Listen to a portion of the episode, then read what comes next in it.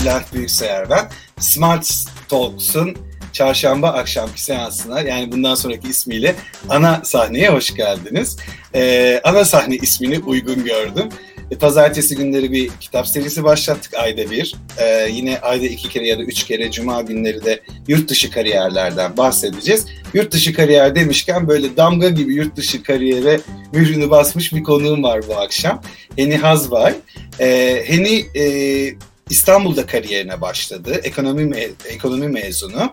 Danone, Total, Doğuş Yayın Grubu, Google, Microsoft gibi e, oldukça bilinen firmalarda çalıştı ve hep pazarlamada ve tabii ki dijital pazarlamanın önem kazanmasıyla dijital pazarlama fonksiyonlarında.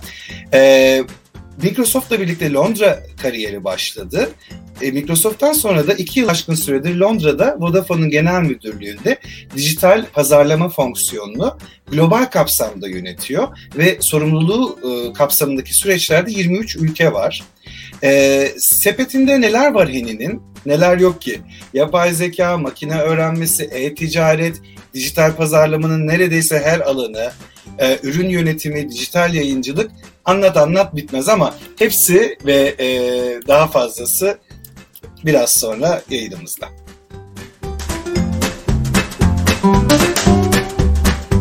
Merhaba Heni, hoş geldin. Selam, hoş bulduk.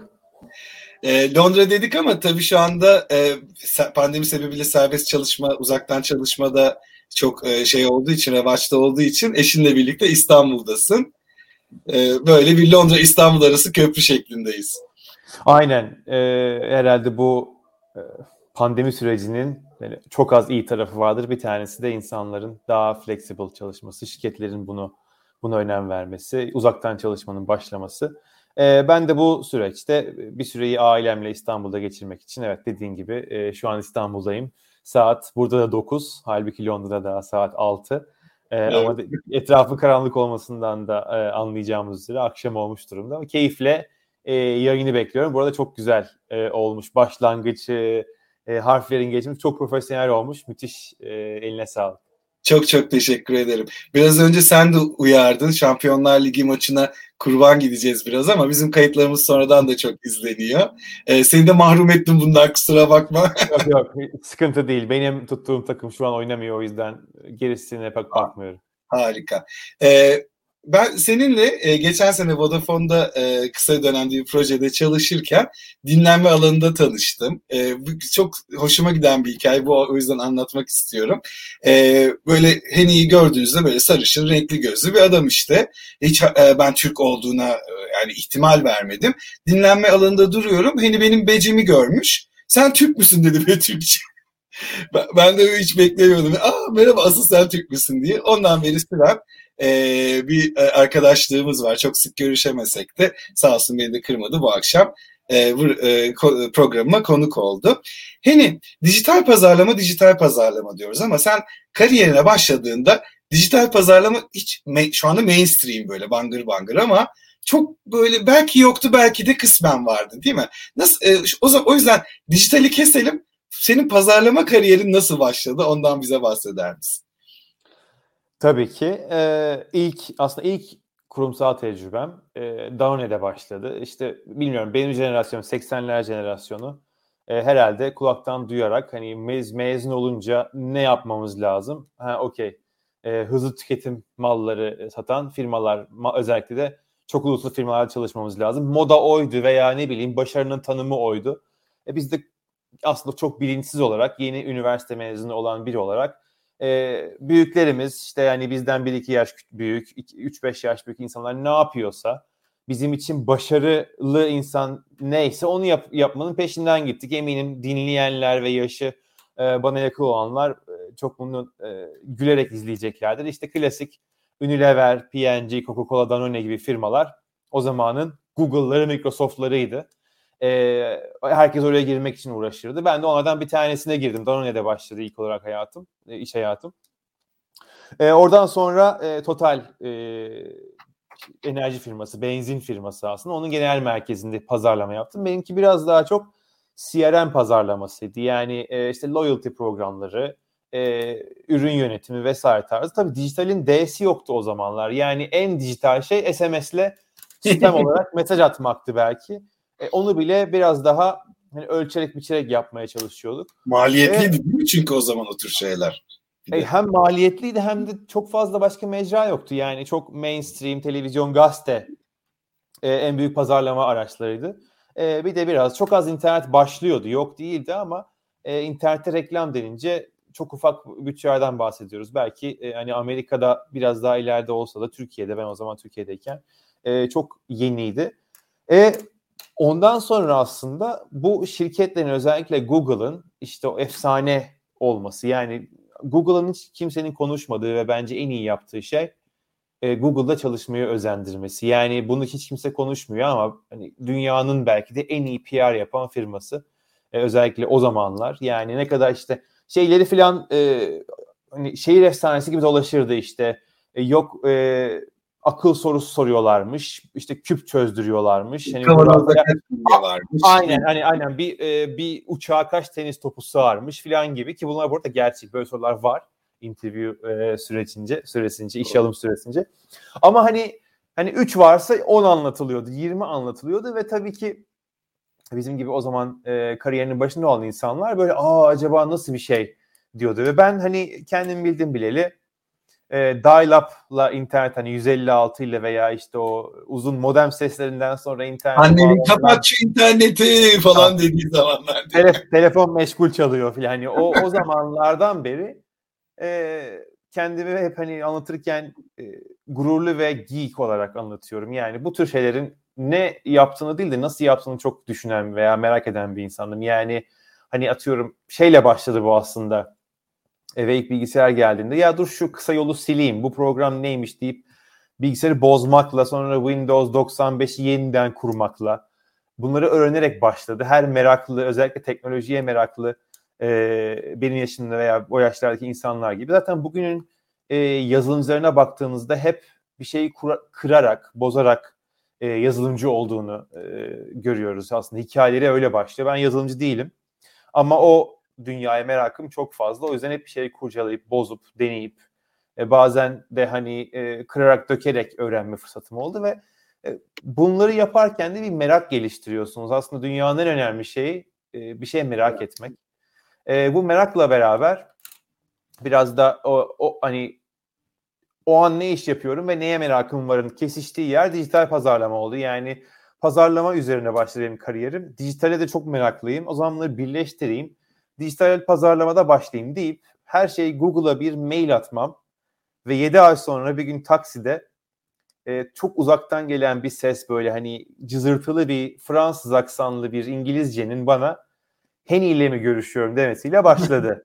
Yani bilmiyorum ben uzatırım. Yani 3 saat daha tutarım seni Bülent burada ama nerede ki yani keseyim. Biraz ekran sallanıyor. O dikkat dağıtıyor tamam, sen konuşurken. Tamam.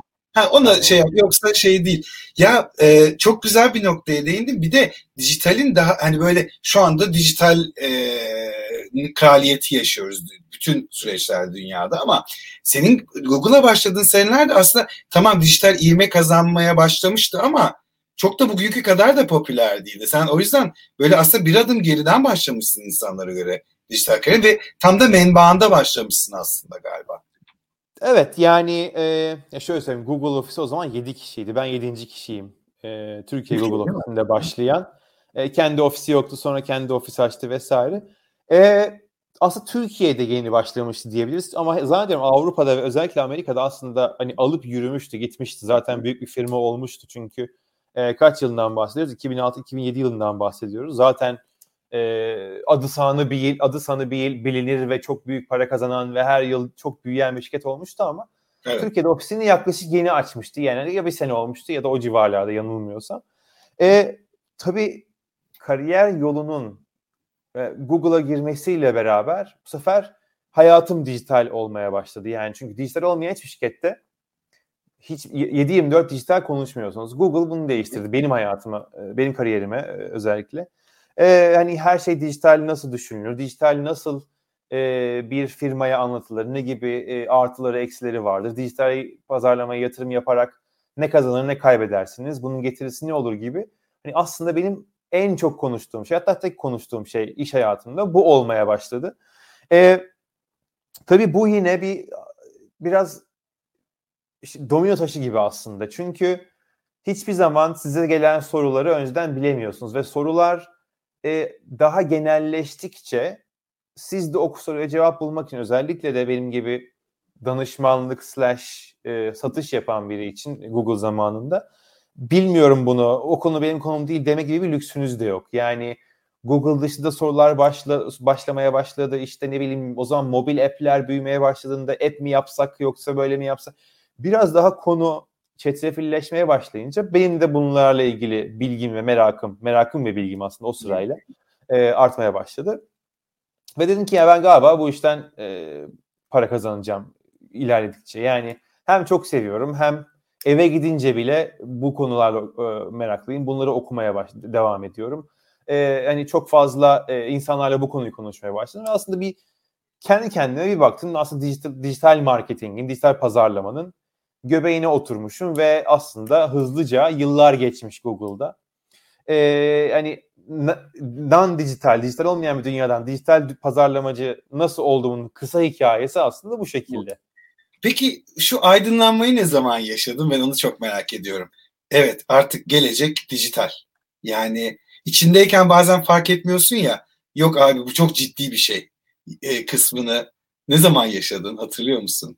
Yani e, aslında bence bunun tek bir günü veya bir kırılma anı yok. Birkaç tanesi var ve bence aslında benim hatırladığım kadarıyla en büyük kırılma anı da bu pandemi sürecince süreci süresince oldu. Yani çok yakın aslında. Yakın bir tarih. Hani, yani hep dijital konuşuluyor, hep bütçeler dijitale aktarılıyor, hep işte e-ticaret, hep app'ler, uygulamalar, telefonlar, Android'ler, Apple'lar hep konuşuluyor ve artan bir şekilde konuşuluyor. Yani bunun bir günlük ya işte 26 Nisan 2013'te de öyle bir şey oldu ki bir anda dijital pazarlama uçtu diye bir gün yok. Her gün artan bir şey ama Doğru. illa bir dönem verecek olsak bence gerçekten pandemi bu işin kırılma anı bir dijitalci için. Ee, komik şeyler dönüyor hatta e, görmüşsündür belki. Yani aşağıdakilerden hangisi dijital dönüşümünü sağlamıştır sizin şirketinizin? A CEO, B CTO, C koronavirüs. Herkes C'yi işaretliyor ya veya hani doğru cevap C. Çünkü e, rakamlar da bunu söylüyor. Sadece e, şey değil hani bence veya bizceden çok e, işte so, geç, geç ili, e, önümüzdeki 3 yıl boyunca beklenen rakamlara ki bir rakam her neyse A dijital harcamanın toplam harcama oranı B dijital satışın toplam satışı oranı gibi ana metrikler işte 3 yıllık metrik 2 ayda 3 ayda gerçekleşmiş oldu. Bu rakamlar da bunu gösteriyor. Bence bir kırılma anı varsa geçtiğimiz 20 sene ki dijital pazarlama bence 20 senedir var e, en fazla.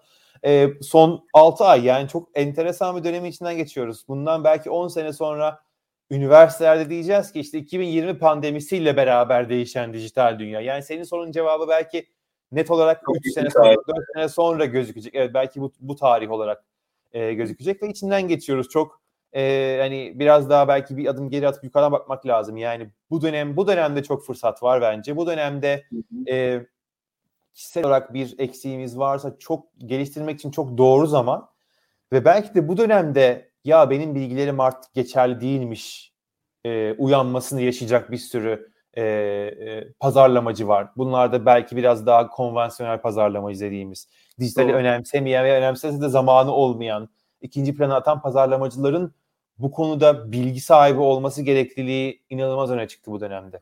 Hal, hala var demek ki öyle konvansiyonel. E, mutlaka var ama bu da şu demek değil. O yanlış, bu doğru demek değil. Sadece ha. önceliği değişti. Bence konvansiyonel pazarlama da dijitalin içine gömülüyor. Sonuçta e, herhangi bir günden itibaren ya unut bildiklerimizin hepsini atalım, sıfırdan başlayalım değil. Bu bir dönüşüm hikayesi. E, mutlaka e, gelişerek dönüşüyor. Eski pazarlama dediğimiz tırnak içine alıyorum ama eskiyi dijital öncesi pazarlama mutlaka dönüşüyor dijitalle beraber. Çok daha e, karışık bir hale geliyor. Çok daha anlaması zor bir hale geliyor. E, hani çok daha rakam var hayatımızda artık. Yani e, bir dijital bir dijital pazarlamacının rakamlarla arasının iyi olmaması gibi bir şansı yok. Mesela bu e, bu bir sorun aynı zamanda da bir e, belki insanın kendi geliştirmesi için önemli bir e, e, fırsat. E, çünkü hani klasik çok çok buzzword belki ama big data da tam bu aslında. O kadar her yerden toplayabiliyoruz ki rakamları. O kadar her şeyi ölçebiliyoruz ki bu datayı anlamlandırmak önemli hale geliyor. Bütün bu süreç, bütün bu dönüşüm aslında big data. Ee, biraz daha e, aslında ondan bahsederken, big data'dan bahsederken herkesin kendine alması gereken dersler ve öğrenmesi gereken şeyler olduğunu düşünüyorum. Hepimiz dahil.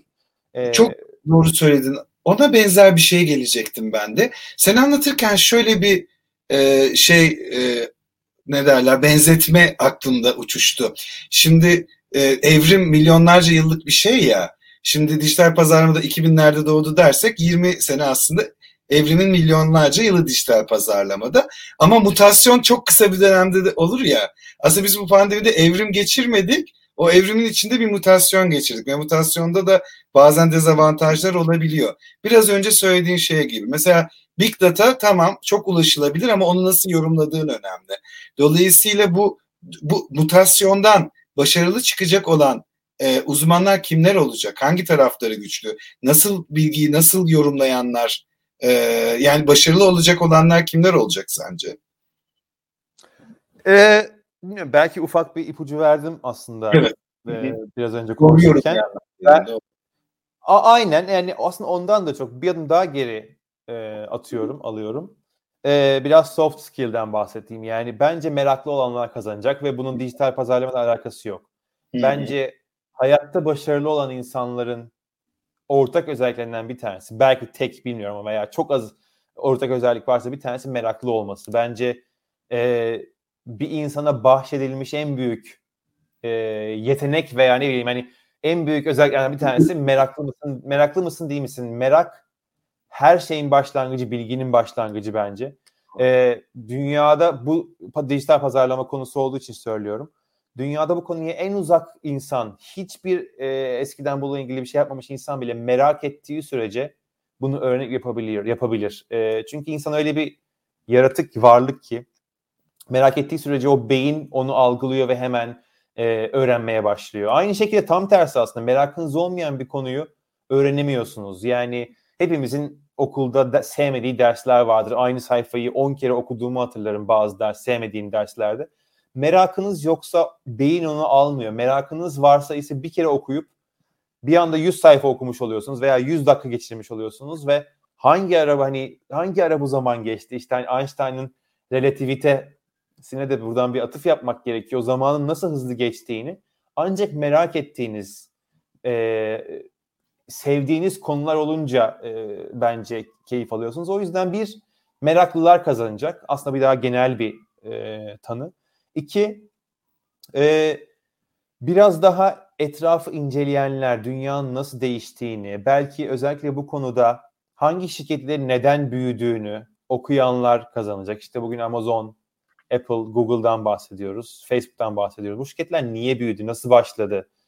İnsanın hangi ihtiyacı bu şirketleri e, büyütmeye yöneltti? İnsanlar niye artık e, sokaktan bir şey almıyor ama eve bir klikle, bir tıkla sipariş verip alıyor?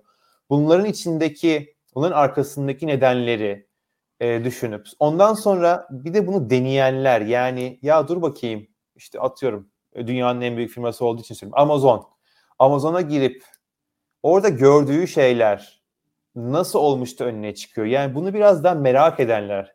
E, yani yine şey örneğine vereceğim. E, bilgisayarın nasıl çalıştığını değil ama oradaki o mavi ikonun niye çalış, niye orada olduğunu merak edip bir silen bir ne bileyim bir e, işte onu kıran, bozan insanlar bence başarılı oluyor. Yani Amazon'u açtığınızda örnek veriyorum yine önünüze 30-40 tane ilk ekranda hiçbir aşağı inmeden 30-40 tane belki 20 tane ürün e, geliyor. Bu ürünler niye geliyor?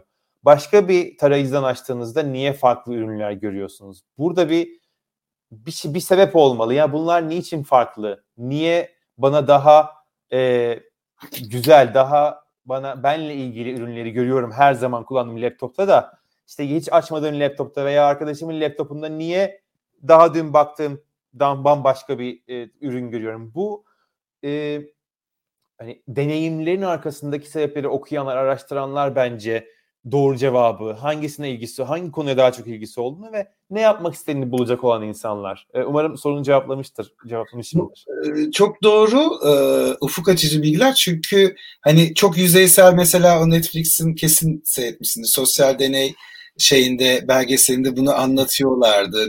Yani çok tehdit edici olsa da gerçekten artık kullanıcı seviyesinde Aa ben daha dün bunu düşünüyordumu e, karşısına çıkarmayı başarıyor artık algoritmalar. E, hep işte bunlar sizin e, başınızın altından çıkıyor tahmin ediyorum.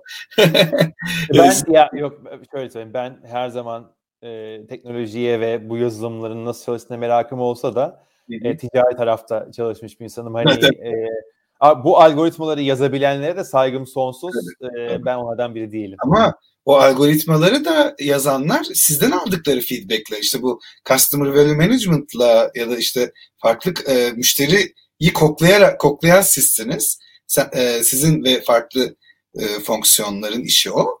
E, kodlamacılar da ona göre yazıyorlar. Peki e, Doğru. tam oraya gelecektim. Pandemide e, dijital pazarlamanın evrilmesi, gelişmesi, mutasyona uğraması aslında tüketici alışkanlıklarının değişmesiyle oldu değil mi? Evet tabii zorunlu bir değişim oldu. Yani e, sokağa çıkamamak, e, sokağa çıksanız da dükkanların kapalı olması e, insanları alternatifler bulmaya yöne, yöneltti. Zaten her zaman insan bir ihtiyacı olduğu için bir buluş yapıyor ya. E, yani uzaktan kumandada ayağa kalkıp tuşa basmak istemediğiniz için ortaya çıktı zaten. E, biraz buna benzetiyorum. Yani her zaman köşedeki bakkala gitmek gitmek gitmek daha kolay gelse bile bir insana gidemediği zaman ya ben o ne bileyim oradaki ekmeğe, oradaki süte, oradaki yoğurda nasıl ulaşırımı düşünüp aa bu bu servisin şu şu marketin de eve getiren e, bir hizmeti varmış. Böyle başlıyor.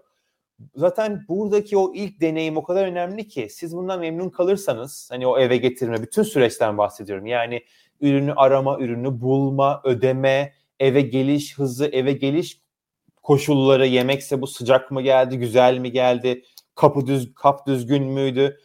Bunların tamamı bir süreç aslında. İşte o hani e, biraz önce bahsettiğin o CV, Customer Value Management'ta bunun aslında bir parçası.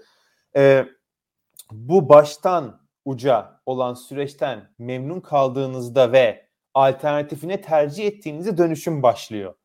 Pandemi biraz önce hani sorduğun soruya cevap olarak belki 3 sene sonra ilk defa cebine bir uygulama indirip bir e, su, süt, kola isteyecek bir insan zorunlu kaldığı için geçen hafta yaptı.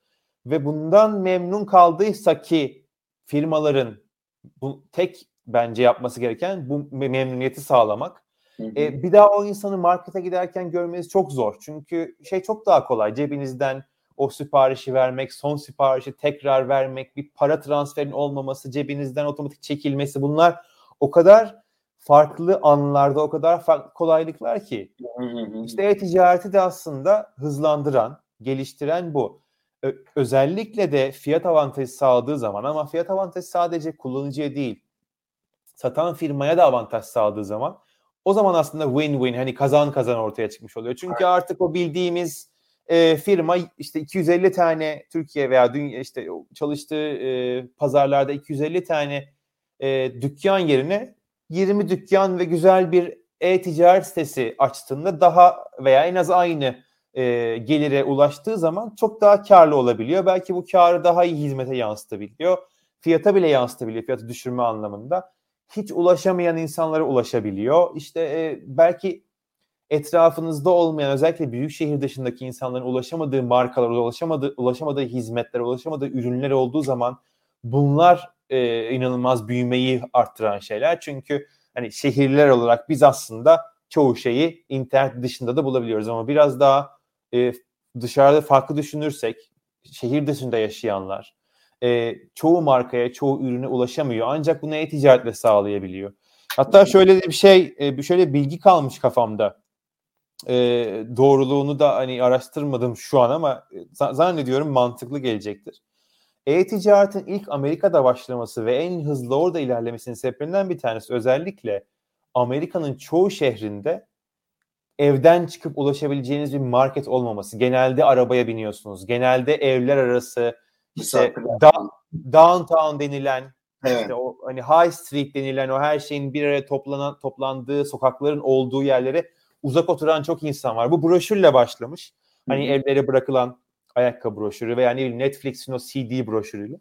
Bundan sonra bunu çözmek isteyen satıcılar e, markalar aslında e-ticareti hızlandırmış, başlatmış. Aynı mantıklı düşünürsek şehir dışına e, hizmetin hızlanması da e-ticaretin en büyük katalizörlerinden bir tanesi. Doğru. Ee, aslında e, kibarlık yaptın. O kadar basit herkes anlayabileceği bir dille anlattın ki bu gelişimi su, süt, kola örneğiyle. Ama tüketici alışkanlıkları da değişiyor. Ee, o tüketiciye o alışkanlığı kazandıran şey o etkiler de değişiyor. Yani ne demek istiyorum? Mesela işte e, normalde alıp giydiğimiz ayakkabı e, eskiyene kadar, ucu açılana kadar giydiğimiz ayakkabı yeni tüketim alışkanlıkları çıkıyor. Artık subscription based olacak diyorlar. Hı. Geçen okuduğum bir habere göre. Yani iki ayda eriyecek bir ayakkabıyı alacaksın ama aylık aboneliklere geçeceksin. Hiç alışık olmadığımız ürünlerde aylık abonelikler olacak. Ne bileyim çorap subscription'ı işte o şimdi mesela İngiltere'de sen de görmüşsündür bu e, böyle kulaklık sap yani bildiğiniz hani o noise canceller kulaklıklar var ya adam onu sana satmıyor artık. Onu sana kiralıyor gibi. Ya da işte bu çok geyik bir örnek ama e, dronlarla o da demin söylediğin e, şeyden aklıma geldi. Dediğin gibi artık tamam bazı e, gelişmeler korkutucu olabilir. Eksileri, avantajları, artıları, dezavantajları tartışılır ama dünya buraya gidiyor yani. Bunu hmm. romantik bir şekilde dramatikleştirmeye de gerek yok. Senin dediğin gibi aracılar ortadan kalkıyor, müşteri daha ucuza alıyor. Win-win dedim mesela bence win-win-win. Affiliate marketing diye bir şey var artık yani. Bir şey birisi sana bir şey önerdiği zaman onun üzerinden para kazanıyor ve ciddi paralar kazanıyor. Bir sürü de farklı ekonomik model. Doğru. Çok doğru. Yani e, tabii şimdi öyle güzel öyle büyük bir cümle kurdun ki içinde hayır, paylaşım konu. Yok hayır. hayır. Estağfurullah çok çok katılıyorum her her kelimesine. Özellikle bir tanesi enteresan. Ee, izleyenlerin de böyle e, hoşuna gideceğini düşündüğüm bir e, bir cümle. Ee, eski bir Google çalışanı o zamanlar Kaliforniya'da e, hatta internetin mucidi diye e, e, anılan e, bir beyefendi diyeyim. Vincent'ti galiba. Vince Surf galiba ismi e, emin olamadım şimdi aklıma gelmedi. Şöyle bir cümle ediyor. Soru soruyor daha doğrusu. Evinizdeki en pahalı eşya hangisi diyor. İşte bir sürü cevap geliyor. İşte televizyon aldım yeni kocaman. işte ne bileyim yeni buzdolabı aldım. Yeni bir tane hoparlör aldım. Şu kadar bin dolar vesaire. Hepsine hayır diyor. Evinizdeki en pahalı eşya hangisi biliyor musunuz diyor. Çekiç diyor. Neden diyor soruyorlar. Çünkü çekiçi yılda 10 saniye kullanıyorsunuz diyor aldığınız para... ya fayda maliyet doğru. Aynı o, o kulaklık örneği aklıma onu getirdi aslında. Yani televizyonu günde 4 saat izliyorsunuz. Bunu yıla, 2 yıla, 3 yıla, 5 yıla vurduğunuzda aslında dakika başı maliyeti çok da pahalı değil. Çekiç çok pahalı. Çekiç tek orada bir tabii meta, metafor. Doğru. Ee, paylaşım ekonomisiyle aslında biraz daha tüketim toplumu olmaktan çıkar mıyız derken bunda tam tersini söyledin aslında. Evet. Yani kendi kendini e, çelişkiye düşüyor. Burada hangisi doğru bilmiyorum. Çünkü e-ticaret özellikle e, yine atıfta bulunduğunu algoritmalar şunu da getiriyor. Sen çok basit bir istekle herhangi bir web sitesine giriyorsun.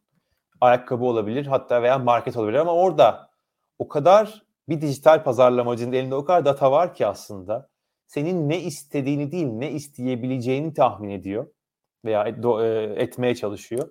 Ve aslında sen hayatın boyunca sadece X marka süt içmiş biri ilk defa kefir görüyorsun orada ve denemek istiyorsun. Ve kefirin de bu arada e, hani bir pazarlama mesajı kefir 5 lira al hemen şimdi at sepete değil.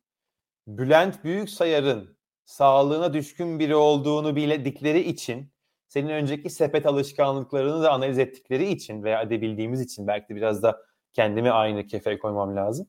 Biz as yani orada bir doğru dijital pazarlama orada. Hani kefiri hemen şimdi al 5 liradan çok. Kefir sağlığın içinde önemli veya ne bileyim sağlığına düşkünsen, metabolizmanı hızlandırmak istiyorsan gibi sana özel mesajla bunu pazarlamak işte tam dijital pazarlama bu. Yani biraz işin e, şeyine gittik, edebiyatına gittik. Belki biraz işin... Doğru, e, üretmek. Aynen öyle e, yani. Tam olarak pazarlama. Değil mi artık yani?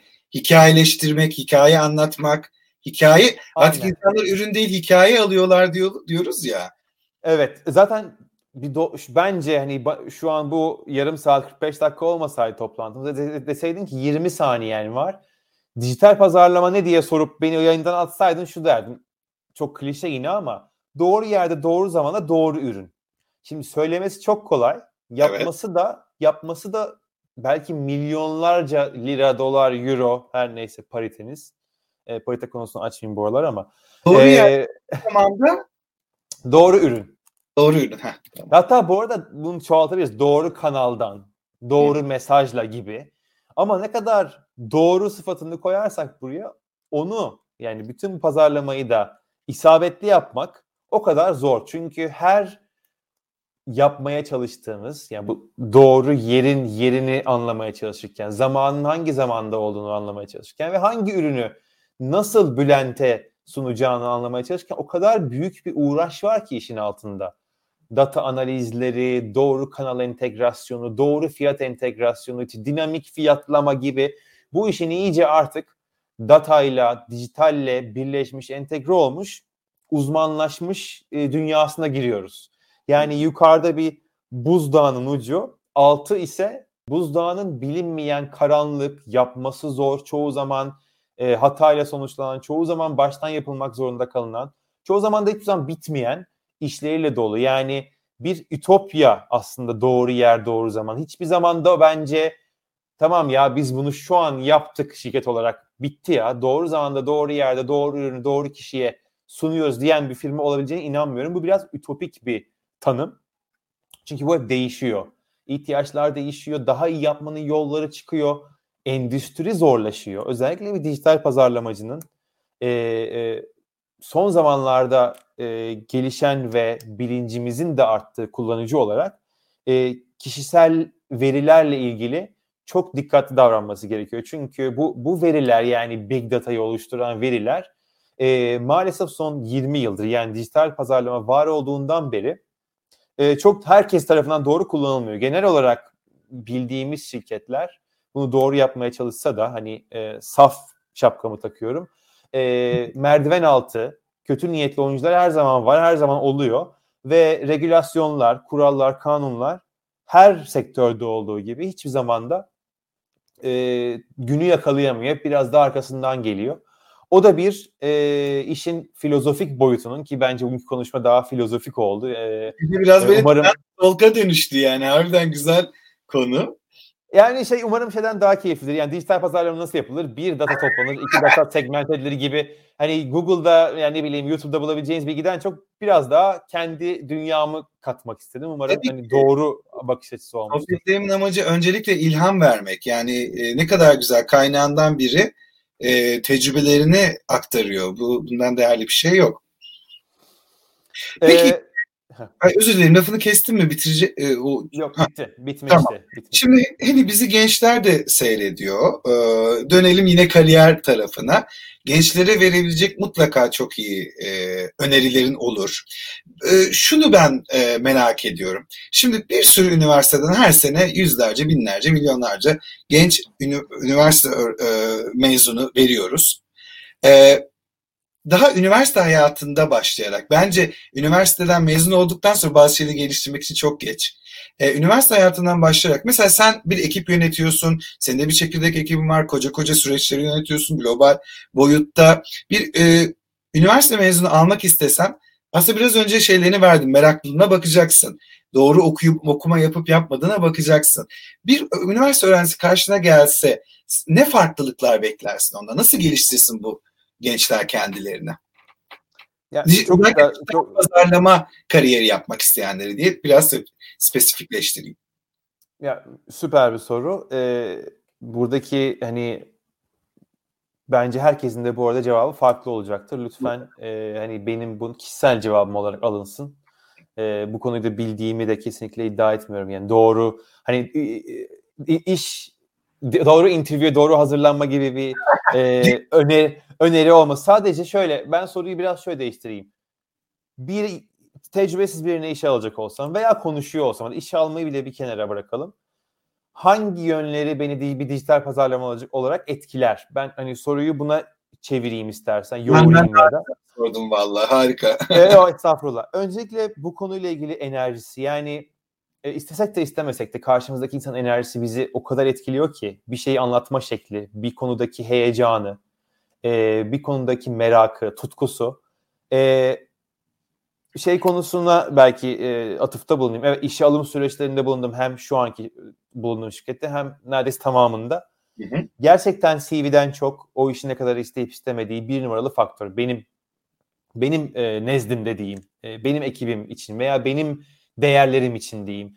E, hele yeni mezunsa, yani bir tecrübe beklenmiyorsa kesinlikle e, tek kriter bence buradaki işte merak, bu konuya ilgi, enerji ve tabii biraz da e, hazırlanmış olup olmaması. Yani bu insan ister istemez e, yoldan çevirdiği birinden alacak cevap, alacağı cevap yerine e, bu konuyu okumuş, bu konuyu merak etmiş. Özellikle de işte çalıştığım şirket hangisi ise o, o şirketle ilgili yapılan işlere bir 10 dakika göz atmış biri. Ben de ya tamam e, ilgili e, ve bu işi seviyor ve bu işi yapar, tuttuğunu koparır izlenim veriyor. Benim bu arada dikkat ettiysen e, verdiğin cevapların hiçbiri de dijital pazarlama özelinde değil. Doğru söylüyorsun. Yani Doğru. ben atıyorum sağ satış elemanı da olsam ve böyle birini alacak olsam da belki bu cevaplar geçerli. Evet. Evet, ee, dijital pazarlamaya biraz daha yormaya çalışayım. Ee, herhalde yine e, ver, verdiğim örneğe dönmek isterim. Yani bugün bizim çok normal bir işmiş gibi yaptığımız internette gezinmeyi veya bir reklamı görmeyi veya bir reklama tıklamayı düşünmeden yapan bir insanla ya bu reklam niye bana çıktı? Ben kimim de bana bu reklamı görüyor? Nasıl bildi benim e, ilgilendiğim telefon modelini ve ben şu anda bunu burada görüyorum? Yani en basitinden. Hani dijitalciler, dijitalciler anlayacaktır. Ya dün gittiğim sayfa beni nasıl takip ediyor? Yani klasik yeniden pazar, remarketing deniyor. Çok basit aslında bunu e, altındaki mantık ama eğer dijital bir iş yapmak istiyorsa biraz bunu araştırmış olmasını, merak etmiş olmasını, işte bunun aslında e, altındaki dinamikleri, hangi ufak teknolojiyle yani kesinlikle bir e, architecture dizaynı beklenmeden yani benim işte tarayıcıma bir cookie atılıyor. O cookie ben gezdikçe beni takip etme imkanı veriyor diğer sitelere gibi çok basit. Bu işin genel mantığını anlamış bir insan bence zaten diğer herkesten bir sıfır e, önde. Ee, biraz bunlara bakarım. Yani e, önünden geçen filmi izleyen mi yoksa o filmin içindeki o araba sahnesinin patlamasının nasıl olduğunu düşünen ya ben olsam ne yapardım? Niye böyle bir iş önümde gözüküyor? Niye böyle bir reklam görüyorum mu? Biraz düşünen, kurcalayan, yine meraka geldim aslında. Yine merak eden insan bence bence önemli. Bazen şey şey diyorum böyle e, kendimi sorguluyorum böyle bir sürü hani kullandığımız teknoloji zamanında e, emek, alın teri, gözyaşı, kan falan böyle yapıldı ya işte otomobiller, bilgisayarlar, şunlar. Ya ben ne kadar boş beleş bir insanım ya diyorum. Bu insanlar bir şeyler yapmış, ortaya koymuş. Yani biz, biz onların ekmeğini yiyoruz. O, o da şeyden geldi. Hani o filmi o, seyretmekle filmi okumak farklı şeyler aslında. E, o arka plan falan. E, ama e, bir şey söyleyeyim mi? Sen böyle çok yine mütevazı şekilde söyledin bunu. Verdiğin cevaplar çok doğru. E, ben de şu ana kadar naçizane 3000-4000 tane işe alım mülakat yapmış Mesela. olarak söylüyorum sana. Çok doğru. Merak, araştırma, sorgulama bunlar hiçbir zaman kaybedilmeyecek değerler. Ee, o yüzden dediğim gibi sadece dijital pazarlamaya yönelik değil. Aklın yolu bir, e, alma, alınması gereken bir ders varsa e, alır e, gerekli kişi zaten. E, hani konuşulacak daha çok şey var ama süremizi aştık. E, ben sana çok çok teşekkür ediyorum katıldığın. Ben teşekkür ederim. Umarım yine Londra'ya döndüğünde bir çay kahve bira içme imkanımız e, olur. E, tier 2'den düşersek tekrar. e, Bülent çok teşekkür ederim beni konuk ettiğin için. E, çok da keyifli bir sohbet oldu. E, ayrıca da diğer programlarını da izledim. E, umarım Elif Dağ Devren'den daha yüksek izlemeye e, kavuşurum. tek hedefim, tek amacım bu. E, o yüzden lütfen izleyenler paylaşsın diye de senin pazarlamanı yapmış oluyorum. evet e, Elif de çok tatlıydı gerçekten Evrim'le birlikte. E, çok dolu dolu bir konuktu o da senin gibi. E, onu bilmiyorum Jennifer Aniston'a benzettiler bir ara. O yüzden e, şey, bir, seni de bir ün, Hollywood ünlüsüne benzetirsek patlar bu şey. Özcan Deniz o zaman. Özcan. Tam Hollywood ünlüsü. Bilmiyorum geç, geçen haftaki konuklarımdan birinin Emmy ödülü vardı. Yani tamam, bir dakika bir dakika çıta çok yükseldi Bülent. Bir ödül bir ödül kazanınca bir daha geliyorum o zaman inşallah. Zaman. E, Valla e, biraz yağlamak bağlamak için söylemiyorum. Hazırlık konuşmalarımızda söyledim. Gerçekten çok çok başarılı bir kariyerim var. Başarılarının devamını da diliyorum. Çok önemli kritik noktalarda e, çevrene de katarak e, ki proje bazlı da seninle çok ucundan çalışma imkanım oldu. O yüzden iş disiplinini de biliyorum. E, o yüzden e, çok değerlisin. Çok çok teşekkürler. Teşekkür ederim. Çok çok teşekkür ederim güzel sözler için. E, başarılar inşallah büyüyerek devam eder programın. Çok iyi, çok keyifli. Çok sağ olasın. Çok teşekkürler. Görüşmek üzere. Seni arka plana alıyorum. Ayrılma. Tamam. E, bitirip tekrar tamam. Evet, çok çok teşekkürler katıldığınız için. E, yorumlar e, geliyor, teşekkürler. Arada böyle yansıtmaya çalıştık. E, Heni e, bu hafta çarşamba ana sahnenin e, konuydu. E, kendisine de tekrar çok teşekkür ediyorum. Cuma günü yurt dışı kariyerlerde Malezya'ya bağlanıyoruz. Savunma sanayinde çalışan arkadaşım Egemen Uçar e, Malezya'dan bize bildirecek. Gündüz e, saat 12'de 20 dakikalık kısa öz bir sohbetimiz olacak. Herkese çok teşekkür ediyorum izledikleri ve dinledikleri için. Tekrar görüşmek üzere.